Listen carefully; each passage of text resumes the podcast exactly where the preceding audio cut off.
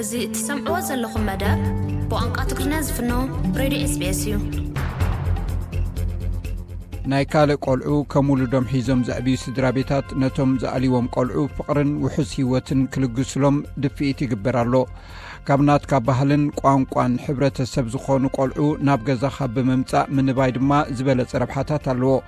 ካብ ዝተፈላለዩ ማሕበረሰባት ቆልዑ ንኽኣል እዩ ብዙሕ ጠለብ እዩ ዝቐርብ ዘሎ እዚ ቆልዓ ጓና ወሲድካ ክትከናኸንን ከተዕብን ዝግበር ዕድል ብኸመይ ዝርከብ እዚ ስዕብ ትሕዝቶ ክምልከቶ እዩ ቆልዑ ብዘይ ኣበስዎ ጉዳይ ኣብ ኢድ ዘይወለድዎም ክዓብዩ ይግደዱ እዮም እዞም ከምዚኣቶም ዝበሉ ቆልዑ ብወለዶም ክዕመፁ ክውጽዑን ወይ እውን ክድርበዩን ይኽእሉ እዮም። ወለዲ ናይ ገሊኦም ቆልዑ ኣብ ሕማም ወይ ኣብ ቅልውላው ክወድቁ ስለ ዝኽእሉ፣ በዚ ድማ ነቶም ዝወለድዎም ቆልዑ ክናብዩን ክኣልዩን ኣብ ዘይክእሉሉ ኩነታት ክወድቁ እውን ይኽእሉ እዮም። ኣብዚ ኩነታት እምበኣር እዩ ካልእ ስድራ ንክናቢ ጠለብ ዝቐርብ። እዞም ናበይቲ ስድራ ነቶም ወለዲ ቆልዑ ኣብ ንቡር ኩነታት ክሳብ ዝምለሱ ኣብ ክንዳኦም ቆልዑ ይናብዩሎም። ሻሮን ብሮዲ ኣብቲ ብመንግስቲ ተመዊሉ ሰባት ናበይቲ ቆልዑ ንክኾኑ ሓበሬታ ብምሃብን ብምትብባዕን ዝዓዪ ኣብ ፎስተሪንግ ኒው ሳውዝ ዌልስ እያ ትሰርሕ ብዙሓት ሰባት ኣለይቲ ናበይቲ ዝሰኣኑ ቆልዑ ክኾኑ ይኽእሉ እዮም ድማ ትብል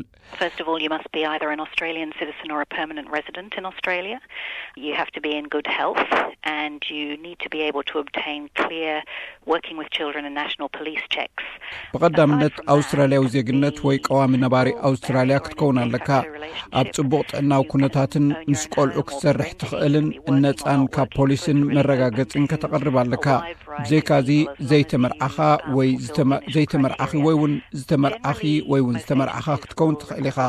ናይ ባዕልኻ ወይ ናይ ክራይ ገዛ ዘለካ ክትከውን ትኽእል ኢኻ ስራሕ ዘለካ ወይ ውን ዘይብልካ ክትከውን ውን ትኽእል ኢኻ ስለዚ ንብዙሕ ዓይነታት ሰባት ክፉት ዕድል እዩዙ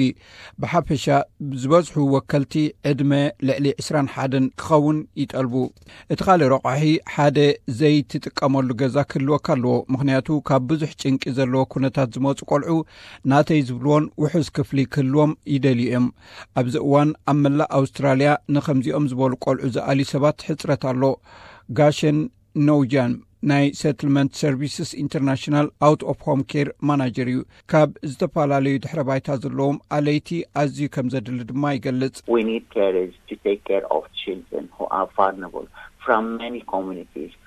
ኣብ ሕማቕ ዝወድቁ ቆልዑ ዝኣልዩ ካብ ዝተፈላለዩ ማሕበረሰባት ናበይቲ ንደሊ ኢና ልቦምን ቤቶምን ዘርሕዉ ናበይቲ ንደሊ ኢና ስለዚ እቲ መልእኽቲ ካብ ዝተፈላለዩ ማሕበረሰባት ናበይቲ ንደሊ ኢና ንኣእምሮኦም ዝተተንከፉ ቆልዑ ዝፍውሱ ክኢላታት እውን ንደሊ ኢና ከም ነርሳት ናይ ገዛ ሰብ ሓዳርን ካብ ብዙሕ ድሕረ ባይታ ዘለዎምን ነቶም ቆልዑ ድልቶም ዘማልኡ ባህላዊ ድሕረ ባይታ ዘለዎም ኣለይቲ ንደሊ ኢና ምንባይ ቆልዑ ንዘይውሉድካ ናብ ከም ውሉድካ ዘቐይር ንነዊሕ እዋን ዝዓለመ ስራሕ ክኸውን እውን ይኽእል እዩ መብዛሕትኡ ግና ናይ ሓፂር እዋን ስራሕ እዩ ዝበዝሑ ናበይቲ ነዞም ከምዚኦም ዝበሉ ቆልዑ ካብ ሒደት መዓልትታት ክሳብ ውሑድ ኣዋርሕ ዝፀንሕ ኣብ ቤቶም ክናብዩ ይኽእሉ እዮም ሻሮን ብሮዲ ከምትብገልፆ እቲ ዕላማኦም ብዝከኣል መጠን እቶም ቆልዑ ምስ ስድራ ቤቶም ምንባር ክቕፅሉ ምፅዓር እዩ። The first option for any child coming into care should be to try and restore them back to their birth family because ዝኾነ ቆልዓ ናብ ምንባይ እንተመፂኡ እቲ ናይ ፈለማ ኣማራፂ ናብቲ ዝወለድዎ ስድራ ምምላስ እዩ። ምኽንያቱ ንቆልዑ እቲ ዝበለፀ ነገር ናብ ዓንኬል ስድርኦም ምስ ዝተኣሳሰሩ እዩ። መንግስቲ ዝፅዕሮ ዘሎ ምስ ስድራ ብቐረባ ብምስራሕ ብዝከኣል መጠን ውሉዶም ምስኦም ቀፂሎም ክዓብዩ ምግባር እዩ ሕጂ ንደልዮ ዘለና እዚ ኩነታት ክሳብ ዝመቻቻእ ንሓፂር እዋን እውን እንተኾነ ዝኣልዩ ኣብዚ መስርሕ ዝሕግዙን ሓፂር እዋን ክበሃል ከሎ ክሳብ 18 ኣዋርሕ ወይ እውን ክሳብ ክልተ ዓመት ዝፀንሕ ስራሕ ክኸውን ይኽእል እዩ ስለዚ ነዞም ከምዚኦም ዝበሉ ቆልዑ ንምእላይ ድልት እንተሎ ብኸመይ ክርከብ ይከኣል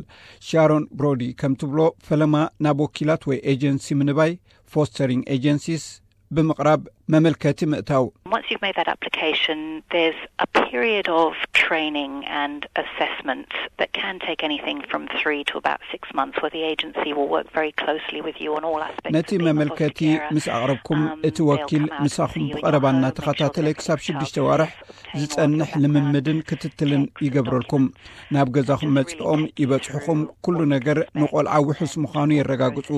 ብዛዕባኹም ዝገልጽ መረጋገጽን ሰነዳትን ይእክብ ብኩሉ መስርሓት ነቲ ስራሕ ዘድሊ ጉዳያት የርእየኩም ምስ ኩነታት ኣነባብራኹም ዝኸይድ እንታይ ዓይነት ምንባይ ከም ዘድሊ ድማ የርእኹም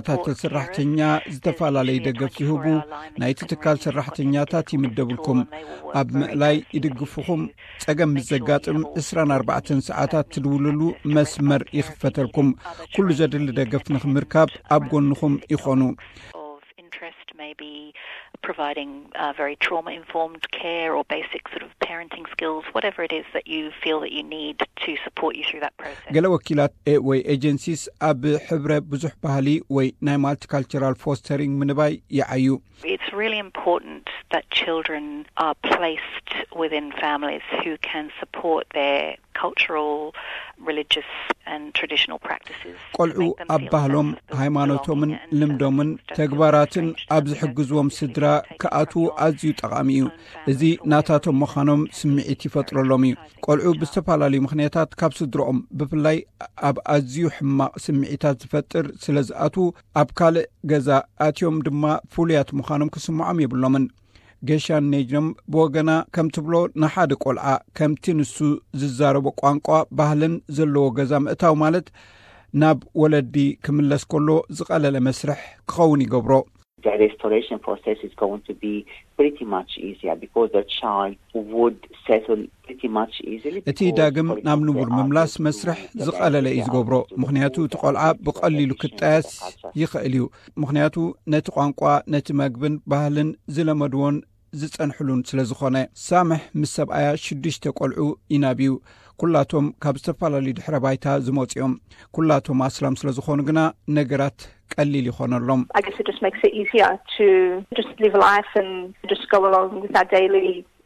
ብግምተይ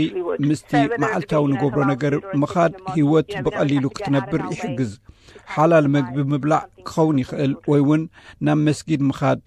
መዓልታዊ ነቶም ቆልዑ ዘይፈልጥዎን ዘይለመድዎን ክንገብረሎም ኣየድልየናን እዩ ቆልዑት ምንባይ በዳሂ ምዃኑ ተኣምን እኳ እንተኾነት እቲ ስራሕ ዘዐግብ ስራሕ ምዃኑ ድማ ትገልጽ